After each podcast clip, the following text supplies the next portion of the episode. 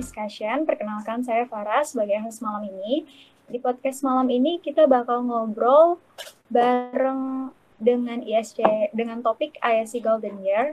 Nah, kita kedatangan uh, salah satu veteran ISC yaitu Kandri. Selamat malam Kandri. Halo, selamat malam Farah dan selamat siang dari Belanda. Baik. Uh, Kandri sendiri gimana kabarnya?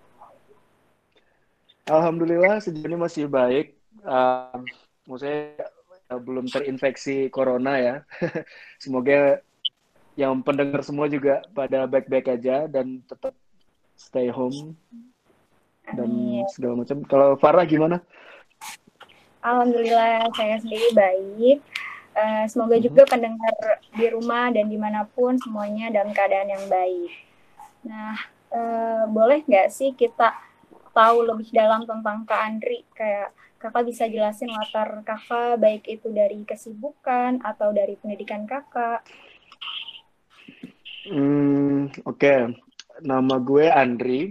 Uh, sebenarnya nama Andri aja tapi orang-orang kenal dengan Andri Zanalkari gue dulu HIUIN HIWIN Jakarta angkatan 2009 terus um, apa lagi ya? Terus habis itu habis kuliah sempat hmm. kerja di Kalimantan, kerja di Jakarta, situ terima UDP untuk kuliah S2 ke Utrecht University di Belanda, jurusan wow. Sustainable Development. Hmm. Dan habis itu apa lagi ya? Coba jadi entrepreneur. Uh, aku bikin semacam sekolah bahasa Inggris di kampung halaman di Lembah Harau dan udah itu aja sih kesibukan sekarang. Wow keren banget. Terus kak uh, gimana sih kak sejarah ISC itu terbentuk? Kayak tujuannya gitu. Asal mula sejak asal mula ISC itu terbentuk. Wah, ini ceritanya lumayan panjang sih sebenarnya. Um, cuma ya udah, waktu itu sebenarnya ISC ini gimana ya? gue juga nggak tahu sih karena uh, di zaman gue kan emang bener kayak zaman awal berdirinya ISC kan jadi waktu itu sebenarnya mulanya itu dari dari mana ya dari uh, waktu itu ada event internasional MUN internasional pertama yang dibikin oleh organisasi lain namanya ISAFIS mereka hmm. bikin Jakarta Model United Nations gitu kan dan okay. kebetulan waktu itu uh, dua orang dari founder ISC, uh, eh, saya sama Amrullah, kita itu uh, member Isafis gitu. Dan kebetulan waktu itu event itu butuh uh, volunteer MUN pertama, uh, internasional pertama kan di Indonesia. Terus akhirnya ya udah hmm. kita bilang, ya udah kita coba cari teman-teman dari UIN buat bikin uh, ikutan jadi volunteer gitu di event itu gitu akhirnya terkumpul lah kurang lebih 20-an orang uh, volunteer buat uh, Jakarta MUN waktu itu. Dan itu dari berbagai jurusan ya uh, dari HI, FIS, dari hukum, dari perbankan syariah, dari mana-mana lah gitu. Terus habis itu ya udah kita volunteeran di sana, terus uh, ketemu kan sama anak-anak muda dari kampus lain gitu kan, pada keren-keren gitu kan terus akhirnya kepikiran deh sama kita kita yang volunteer waktu itu di sana kayak kayak kita di kampus kita juga bisa deh kayak bikin yang beginian gitu. Eh, bikin kayak organisasi yang betul-betul bisa concern ke isu-isu global dan segala macamnya gitu. Dan akhirnya ya udah akhirnya sejak awalnya itu cuma wacana wacana wacana terus akhirnya kita ya udah bener-bener kebentuk um, ini si ISC ini gitu International Studies Club dan itu tuh eh, nggak uh, gampang sih karena kan ibarat kata belum mungkin nggak segede sekarang ya.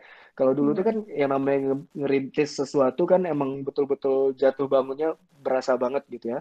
Tapi kurang lebih itu sih. Dan dan salah satu goals yang waktu itu pengen kita capai adalah buat rich global experience biar kita kita ini uh, bisa juga ngerasain sih gimana sih kayak uh, global experience itu kayak gimana sih rasanya kayak keluar negeri apa gimana gitu. Di saat masa lu lagi kuliah gitu. Uh, ya udah itu sih awal-awal mulanya. Dan akhirnya terbentuklah ISC gitu. Dan dari namanya sendiri pun kayak kenapa klub, kenapa nggak himpunan atau asosiasi atau gimana? Karena tujuan Hmm. kita waktu itu sebenarnya kayak pengen ngebentuknya tuh biar lebih kesannya tuh asik gitu, nggak klub gitu, Eh, kayak semi informal sehingga orang-orang mungkin akan tertarik gitu untuk bergabung sama kita gitu. Dan gak nyangka udah generasi 10 ya sekarang ya. Iya kak. Wow, kita seneng banget itu dengernya. Seneng banget sih. Ya kurang lebih kayak gitu sih, Farah. Terus kak kan eh, dari ISC ini terbentuk apa langsung ada divisinya kan kayak sekarang itu banyak ya ada weekly discussion, ada language class. Itu waktu Hmm. awal tuh gimana kak? Waduh, itu agak ribet sih dulu gimana ya. Soalnya eh, karena kan dulu itu karena masih di awal-awal kita masih eh, gimana ya, masih mencari pattern yang bagus nih buat ISC, bagusnya gimana gitu. Dan dan waktu itu aku kebetulan kayak dua kali, dua periode sebenarnya ngejabat sebagai presiden. Eh, Hmm. awalnya itu awalnya tuh ya karena si pendiri terus eh, di apa pada aklamasi ya mau saya kayak pada ayo udah Andri lu aja gitu kan yang jadi ketuanya gitu kan dan Hmm. yang tahun pertama sih yang berat karena kebanyakan orang-orang muntaber tahu nggak muntaber itu apa Farah Muntaber secara penyakit kak? Eh, secara istilah jok bapak-bapak sih muntaber Enggak tahu muntaber apa itu tuh. muntaber tuh maksudnya mundur tanpa berita gitu Oh, banyak yang muntaber dan akhirnya kita kayak bingung juga kan. Misalnya kayak rapat pertama yang datang tiga orang gitu kan. Rapat kedua yang datang lima orang gitu. Tapi orangnya beda gitu. Rapat ketiga yang datang empat orang orangnya beda. Akhirnya bingung gitu kan. Kayak aduh ini gimana ini? Gitu. Untuk awal-awal susah sih. Eh, harus jujur.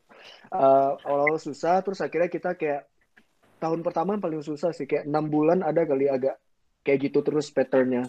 Uh, Hmm. rapat ini yang datang beda lagi beda lagi. Terus akhirnya kita untung para founder ada beberapa founder yang betul-betul kayak ayo kita nih seriusin nih karena nih uh, kita perlu nih uh, semacam organisasi yang kayak gini gitu kan. Akhirnya ya udah kita mulai pengukuhan structure.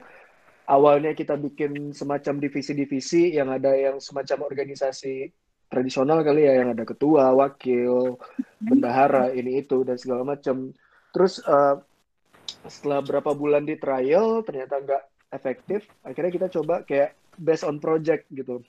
Oh. maksudnya based on project itu kayak setiap orang punya peran di ISC Uh, mereka bakal let's say si A dia akan ngurusin weekly discussion only terus si B ngurusin ICDC misalnya atau uh, si C ngurusin global action dan sebagainya dan sebagainya. Sehingga semua orang punya ya tujuannya sih pengen nge- ngebangun sense of belongings dari teman-teman itu sendiri ya dan akhirnya ya bagus juga dari beberapa orang akhirnya ada beberapa orang yang yang betul-betul sense of belongingnya tinggi ke ASC gitu dan hingga Hmm. akhirnya berdiri sampai sekarang gitu Baik. Ternyata kalau juga sekarang nih. emang kalau sekarang emang gimana Farah Eh, divisinya seperti apa udah 10 tahun nggak in touch Kalau sekarang yang eh, aku lihat dari ESC itu benar-benar organisasi yang eh, cukup besar karena divisinya juga banyak gitu.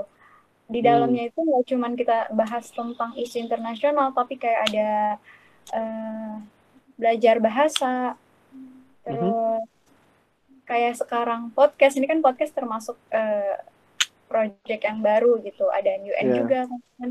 Jadi menurut eh, menurut aku tuh keren banget sih ini di ISC ini dalamnya tuh macem-macem gak cuman Iya, dan aku yakin sih 10 tahun bukan waktu yang singkat ya nggak sih? Kayak udah Iya pasti beda banget yang zaman aku dulu sama zaman teman-teman sekarang di ASC gitu. Gitu sih. Eh, terus Kak, jadi apa sih yang ngebedain ISC dari organisasi lain tuh? Dari organisasi lain organisasi organisasi Ya. lain di mana nih? Yang ada di kampus UIN Jakarta di Indonesia apa gimana? Yang ada di kampus UIN Jakarta.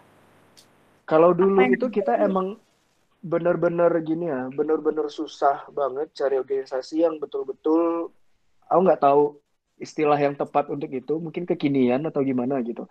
Karena kayak uh, kalau kita misalnya bilang fokus oh ISC fokusnya ke bahasa Inggris oh ada kok uh, UKM atau apa gitu yang fokusnya ke bahasa Inggris misalnya gitu kan atau kita fokusnya ke hubungan internasional atau apa gitu ada kok jurusan atau yang lain yang fokusnya ke hubungan internasional tapi tetap dengan style yang menurut kita itu cukup konvensional gitu.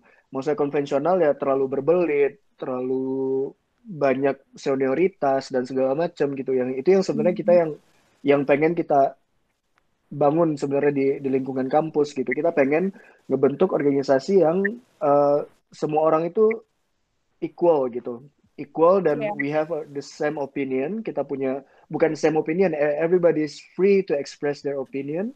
Setiap orang uh, bisa praktis, bisa berkembang bareng di ISC dan segala macam tanpa ada embel-embel seniority, tanpa ada embel-embel apa lagi ya, kayak uh, se apa kayak sensitivitas yang nggak perlu-perlu lah gitu. Dan dan pengen ngebangun uh, lingkungan yang positif aja sih buat kampus. Dan dan ketika itu ya saya sih seneng kayak karena kayak anak-anak ISC itu semacam circle pertemanan saya waktu itu.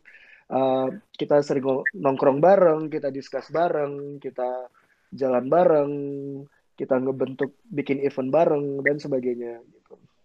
Jadi kayak akhirnya kayak uh, dan kita pun akhirnya kayak di zaman saya waktu itu kita berangkat ke luar negeri bareng, kita kita akhirnya ada yang berangkat ke Singapura, ada yang berangkat ke India, ada yang berangkat ke Amerika gitu. Dan dan akhirnya kayak kita bareng-bareng capai visi dan misi kita itu tadi gitu. Kayak reach the global hmm. experience gitu. Gitu sih. Yang menurut aku beda. Dan aku nggak tahu kalau ke se sepencarianku di organisasi lain itu nggak nggak ada yang yang seperti ISC gitu. Yang in terms of that gitu ngomong-ngomong soal anggotanya yang uh, punya pemikiran yang open ya. Jadi kayak kita menerima uh, opini siapa pun itu emang masih kerasa sampai sekarang ya. Karena waktu aku mau masuk juga itu tuh uh, kedengarannya tuh dari kating-kating dari teman-teman ISC itu tuh uh, salah satu organisasi yang nggak mandang kamu itu siapa. Terus jadi di dalam tuh nggak ada senioritas, nggak ada nggak ada perbedaan-perbedaan kayak gitu. Jadi semua itu nyatu gitu.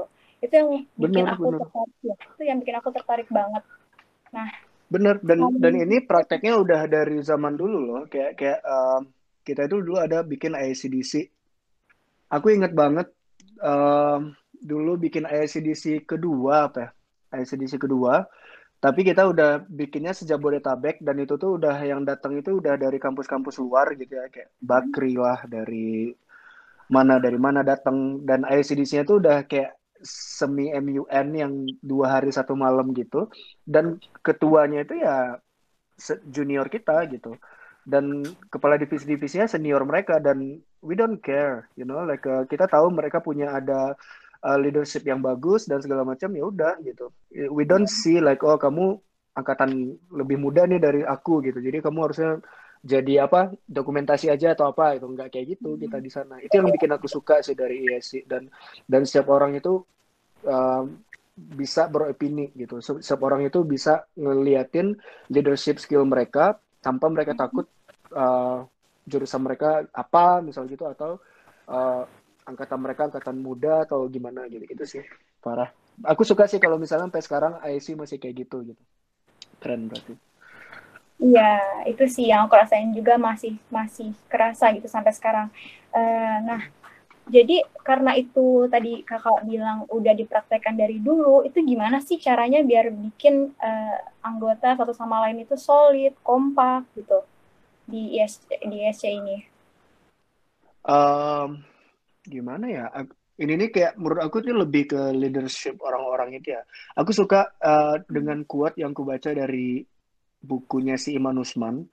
Uh, apa ya jurusan judulnya aku masih belajar atau apa gitu jurus uh, apa hmm. judulnya. Dia bilang bahwasanya kayak uh, kalau misalnya kamu nggak bisa menghandle hal kecil atau melakukan hal kecil jangan harap kamu bisa menghandle hal yang besar gitu mungkin ISC hal yang kecil gitu bagi beberapa orang gitu. Alah gue kan cuma anggota di divisi ini dan segala macam gitu. Tapi kalau misalnya lu sendiri nggak bertanggung jawab untuk di hal kecil itu gimana lu ntar bisa megang hal yang besar gitu?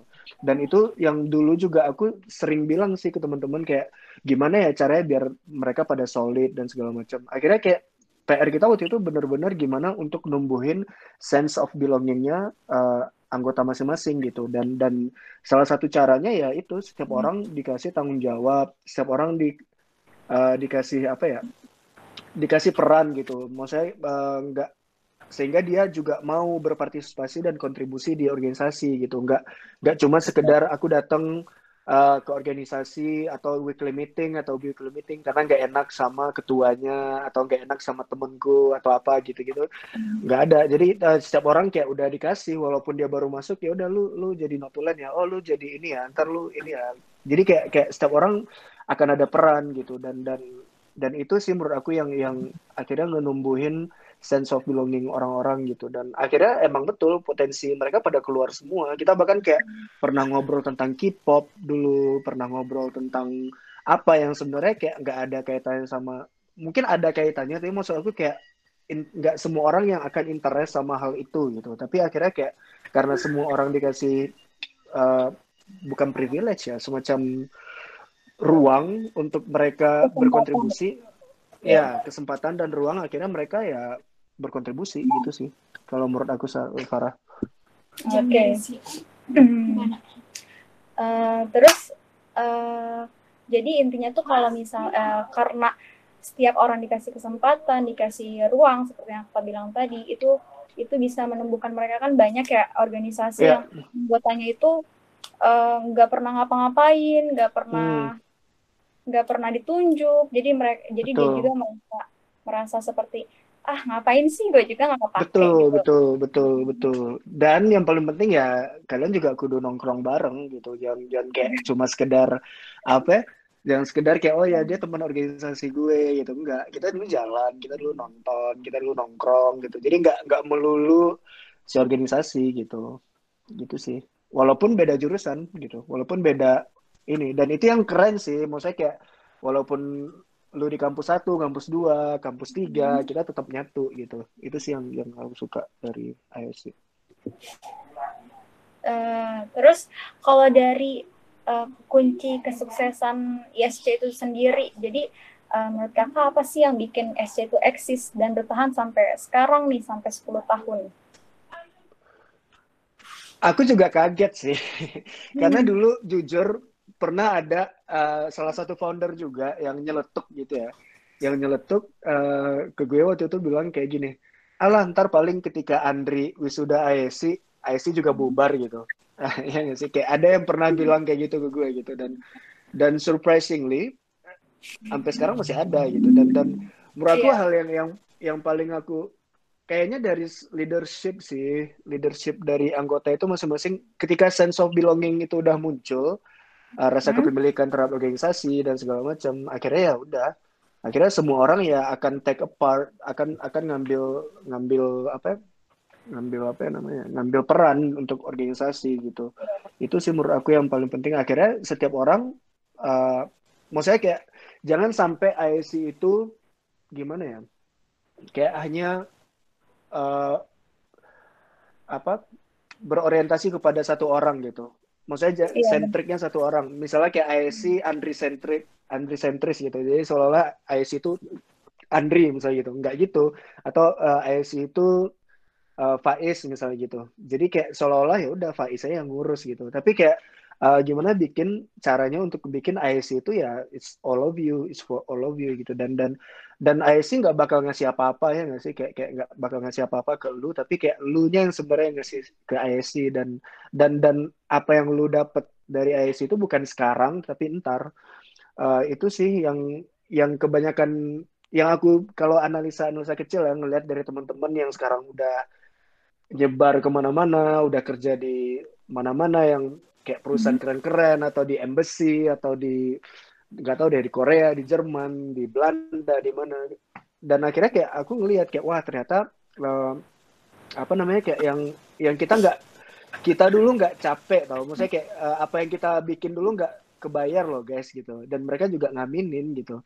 uh, yeah. ada yang yang udah sukses di multinational company dan segala macam kita se pernah sempat kita sempat waktu itu aku lagi insta story di Bali terus tiba-tiba Eko salah satu founder juga dia juga eh, eh bang gue lagi di Bali juga nih nongkrong yuk nongkrong. Kita nongkrong terus dia cerita bang gue kalau misalnya nggak iya sih lu gue nggak tahu nih gimana apa ya maksudnya itu dia dia cerita bahwasanya IS itu nge-support dia banget di dunia pekerjaan kata dia gitu. Dari segi penyampaian opini dari segi kerja dan segala macam dan dan dan ya ya gue langsung bilang aja kayak ternyata kita nggak sia-sia ya kita bikin ISC ini gitu. Bukan oke okay, kita nggak kita nggak uh, bikin ISC bukan demi kebanggaan atau gimana enggak tapi untuk diri kita. Akhirnya kita juga bisa juga nih uh, ada hasilnya nih buat kita sendiri gitu.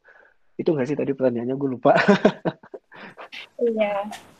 Terus uh, dari hasil itu semua dari uh, impactnya, jadi uh, apa sih? Jadi perbedaan yang kakak rasain itu dari sebelum dan sesudah menjadi anggota ISC, ISC gitu. Apa ya? Um, gimana ya? Kalau bikin apa? Waktu jadi anggota ISC itu kayak berasa bikin skripsi tau gak sih maksudnya tuh kayak kayak aduh gedek banget rasanya kayak aduh ini gimana sih ini anak-anak pada ke mana sih aduh ini katanya nih sekarang nih hmm. deadline-nya pada nggak jadi ini itu segala macam tapi this thing needs to be done uh, ini tuh harus di mana pun tetap harus diselesaikan gitu. Dan akhirnya di sanalah yang kayak leadership uh, skills kita waktu itu akhirnya terbentuk juga akhirnya gitu. Dan dan dari sana sih bekalnya kayak uh, apa dan akhirnya kayak kita udah terbiasa dengan gimana cara mengatur waktu, gimana ngatur deadline dan segala macam. Dan secara nggak sadar itu ngebantu kita juga setelah di ISC gitu. Dan uh, misalnya entah itu dari uh, penyelesaian skripsi misalnya gitu kan itu kan kayak lu bertarung dengan diri lu gitu. Gimana untuk menyelesaikan sebuah project atau menyelesaikan ya, tulisan dan segala macam gitu. Dan akhirnya kayak berlanjut ke depannya kayak di, di, di dunia pekerjaan di dunia pencarian organis apa pencarian scholarship. Bahkan kalau bagi saya sendiri ini pe, personal apa ya personal experience saya kayak IC yang nganterin saya untuk bisa untuk lancar interview kerja misalnya gitu kan. Ya. untuk lancar interview uh, beasiswa PDP misalnya gitu. Dan dan sampai sekarang pun saya bikin uh, usaha sendiri yang kurang lebih juga berkat ISC juga gitu. Karena saya udah pernah dulu ngebangun si organisasi ini gitu. Dan dan dan akhirnya udah tahu udah udah fasih aja untuk uh, berikutnya gitu. Dan saya yakin buat teman-teman lain yang yang bareng-bareng hmm. waktu itu aktif di ISC dan ngebangun ISC dan aktif di ISC juga pasti ngerasain hal yang sama gitu. Menurut saya sih. Ya. Ya, pasti sih. Karena dari yang kakak ceritain tadi uh, dengan menerapkan setiap orang harus uh, berani, harus mampu mengeluarkan opininya itu pasti ber, uh, berdampak besar ya bagi dirinya. Kayak bisa lebih percaya diri, bisa lebih uh, open, berani seperti itu kan? Betul betul betul. Banyak banyak sekali uh, impact-nya. Baik. Tuh. Jadi kalau untuk veteran veteran-veteran ini menurut aku keren banget sih karena karena membangun ISC itu kan membangun suatu organisasi itu kan gak gampang ya kayak ya. hmm. didengar dari cerita kakak tadi yang ada jatuh bangun yang rapat cuman bertiga hmm. dan hasil yang kakak dapetin baik itu di kehidupan atau di organisasi sendiri juga uh, sangat sepadan maksudnya uh, apa yang kakak tanam itu itu itu yang kakak ambil Tuai. sekarang ya, ya kurang kan, lebih kurang lebih gitu sih dan dulu yang kita dari awalnya cuma nongkrong apa ya maksudnya setiap weekly meeting itu iya. cari-cari ya. tempat gitu ya seingat saya ini malah nostalgik nih jadi karena kan udah cerita 9 10 tahun yang lalu ya nggak sih uh, kita dulu kalau kalau rapat itu susah banget nentuin antara kampus satu atau kampus dua gitu karena beberapa anggota gitu kan ya, oh misalnya kita bikin di kampus dua yang banyak datang malah anak kampus satu misalnya gitu kan yang dibikin di kampus satu anak kampus satu ya pada nggak datang anak kampus duanya pada datang misalnya gitu. sampai iya. akhir-akhirnya kita saya ingat di masa-masa akhir tahun kedua itu kita udah sampai dapat recognition dari kampus uh, hmm.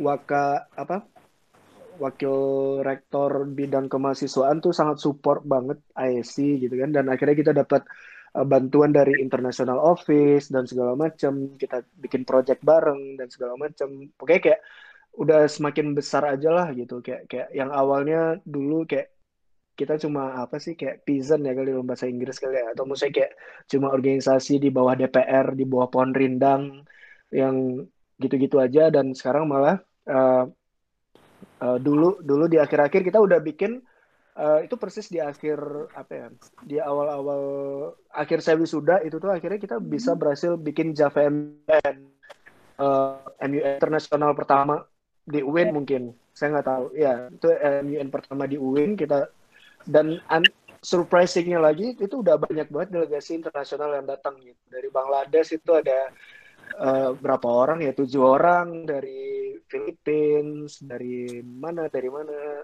It was a great experience as a as a as a student at that time you know? And ya yeah.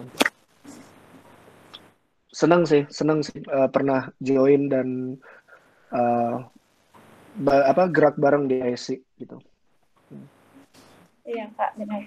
Uh, dari kakak sendiri ada nggak sih harapan dan pesan-pesan untuk anggota IASI yang sekarang banyak nih anggota kan baru oprek kemarin juga termasuk hmm, saya hmm, hmm, sendiri. Betul. Oke, selamat datang di para. Oke. Okay. Apa ya pesannya?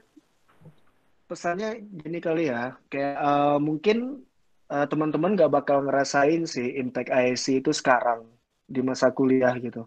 Tapi nanti ketika teman-teman wisuda, teman-teman udah masuk ke real life, then you know. Hmm. Uh, ya, teman pasti teman-teman punya visi dan misi yang sama nggak dengan ISC gitu. Kalau misalnya nggak, nggak usah capek-capekin diri gitu. Mending jangan muntaber, mending jujur aja kayak ya udah bye guys gitu. Gue nggak sevisi nih gitu. Kalau kata gue karena uh, mungkin ini karena pengalaman pribadi gue udah gede banget sama orang-orang yang kayak muntaber gitu kan kayak udah lu kalau nggak mau sama isi ya udah lu nggak usah kita nggak maksa gitu. Gitu sih. Uh, tapi itu sih kalau tapi kalau merasa lu punya satu visi dan misi sama ISC yuk gerak bareng-bareng. Kalau lu males ya itu wajar. Tapi kayak nggak males terus gitu. Itu satu. Yang kedua uh, buat teman-teman di ISC jangan stagnan. Itu aja sih. Maksudnya jangan stagnan dan jangan tradisional.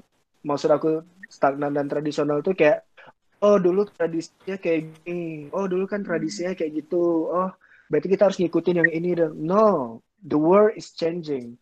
Uh, dunia berubah pola organisasi berubah uh, isu terus berkembang dan segala macam dan dan kalian juga harus ngikutin itu gitu. Jangan sampai malah oh dulu kan melihat dari apa gitu udah 10 tahun yang lalu IC tujuannya no it can ini bisa berubah gitu karena uh, dinamikanya dulu kayak gitu dan sekarang mungkin nggak kayak gitu lagi gitu kan. Jadi maksud aku kayak teman-teman jangan takut untuk uh, berkreasi teman-teman jangan takut untuk uh, mengungkapkan opini dan segala macam. Uh, itu aja sih kalau kataku karena kalau misalnya teman-teman berpatokan ke hal-hal yang dulu atau yang nggak uh, nggak nggak ngikutin perkembangan yang yang kekinian maka ya sama aja mm-hmm. berarti sama organisasi lain gitu. Karena kan tujuan kita kan reach global experience. Kita we want to be updated to international issues dan hal-hal yang terkait dengan hal itu ya berarti kita juga harus up to date gitu. Dari segi structure dari segi apa pun lah uh, sering diskusi segala macam gitu. Jadi itu sih paling pesan aku. Jadi biar biar di organisasi pun dinamikanya juga nggak itu lagi nggak itu lagi nggak itu lagi. Tapi kayak ada perubahannya ada edit value-nya lah gitu. Gitu sih. Jadi nggak bosen ibarat kata. Nggak nggak iya, nggak ngebosenin gitu. Hmm. itu sih paling iya. Baik terima kasih kak Andri. Uh, aku sendiri mau makasih buat kak Andri dan teman-teman kak Andri veteran-veteran yang dulu yang udah uh, ngeluangin waktunya buat ngebangun ayah sih sampai sekarang sampai uh, kita bisa masuk bisa join tanpa harus ngerasain kayak susah-susahnya zaman dulu uh, ngumpulin anak-anak, hmm. ngumpulin orang-orang buat yeah. sekedar rapat kayak gitu. Sekarang kan kayak Iya, udah besar mungkin banget. i- i- Rapat tuh iya, banyak gitu. mungkin itu sekarang eh, di apa problemnya untuk beda lagi dong. Kalau zaman gue sama zaman lu gimana gitu kan. Tapi ya ya maksudnya itu kayak kayak ya lu har- harus gimana yang yang anak sekarang tuh ya harus ngelihat lagi gitu. Problem kita apa dan itu yang kita solve gitu dan akan beda. Cuma satu hal sih kayak gue bangga dan salut sama Esi gitu ke karena apalagi sekarang di masa pandemik teman-teman juga masih aktif banget gitu dan pas ngelihat um, kegiatan-kegiatan online dan segala macam wow you are you are you guys are awesome. Keren keren keren Esi tetap semangat dan uh, ya yakin aja kayak kayak uh, ini nanti akan ada manfaatnya banget buat kalian maupun buat siapa pun orang-orang itu sih Baik Kak, Eh, aku mau makasih buat Kak Andri juga yang udah ngeluangin Thank you juga. ini.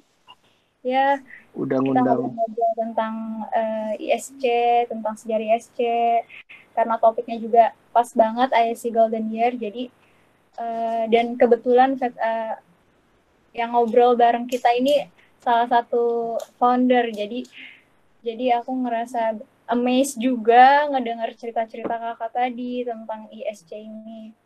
Eh, makasih juga buat audiens yang udah dengar dari pertama kita ngobrol-ngobrol. Jangan lupa jaga kesehatan, termasuk Kak Andri juga. Jangan lupa jaga kesehatan, tetap patuhi protokol.